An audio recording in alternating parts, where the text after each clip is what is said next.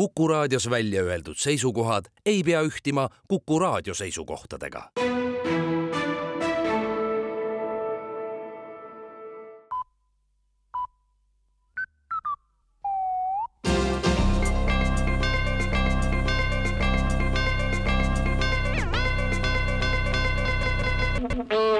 uudistega eetris Rohke Debelak siseministeerium teatab, et kulude kokkuhoiu saavutamiseks tellitud audit on soovitanud Tartu vangla sulgemist. nii drastilist teed siiski ei minda ja piirdutakse vangide koondamisega. koondada tuleb ka üheksakümmend vanglatöötajat, kellele pakutakse siiski parema toimetuleku tagamiseks võimalust minna vangi, mitte jääda töötuks kui inimene on vangis, siis tal on soe tuba ja soe söök ja võimalus kasutada oma vaba aega enesearendamiseks. koondatul seda võimalust sellises mahus siiski ei ole valitsuse arvutuskeskus on mudeldanud, et rasketel aegadel võiks Eestis vangis olla kaks kolmandikku elanikkonnast, sest nii oleks lihtsalt inimlik ja poliitika arengutest. värske üle-euroopalise uuringu tulemused annavad teada, et Reformierakond võib Europarlamendi valimised suurelt võita. esmapilgul võib praegust populaarsusreitingute seisu vaadates selline väide olla arusaamatu, kuid poliitikavaatlejate ühine veendumus on, et Reformierakond teeb üle aegade parima tulemuse. peamiseks põhjuseks on see, et suurem osa valijatest soovivad, et võimalikult suurem hulk Reformierakonna poliitikutest läheks Eestist minema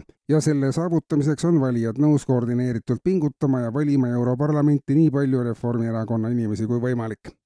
valitsuse värske uuring aga näitab, et tegelikult on inimeste eluolu oluliselt parem, kui seda näitavad inimeste endi hinnangud. Eestis on arvukalt inimesi, kes väidavad, et nad ei ela oma sissetulekutega ära on need siis õpetajad, päästjad, politseinikud, arstid, õed. uuring aga näitab, et suur hulk neist on seda väitnud kuust kuusse, mõned ka aastast aastasse, midagi aga ei ole juhtunud ja inimesed on ikka elus küll ei elata ära pensionist või ei elata ära töötu abirahast või palgast või toimetulekutoetusest, mõni ei ela ära sellepärast, et tal polegi mingisugust sissetulekut, kõik seda väitnud on aga endiselt elus. see paneb ka valitsuse käsi laiutama, sest adekvaatne info puudub. seni, kuni inimene pole tegudega tõestanud, et ta tõepoolest ei ela ära, ei saa ka riik kuidagi aidata.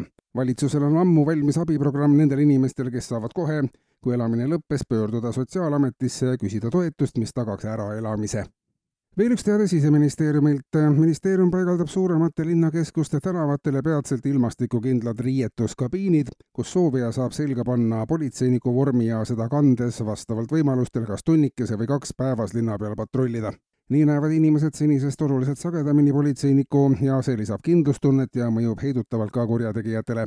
edasi jõudnud saavad kaasa ka teenistusrelva politseinike read on aasta-aastalt hõrenenud ja täiendav abi elanikkonnalt on teretulnud. kui süsteem käivitub hoogsalt, siis mõne aja pärast saab politseiniku teesklemise eest juba ka tunnitasu. eetris olid uudised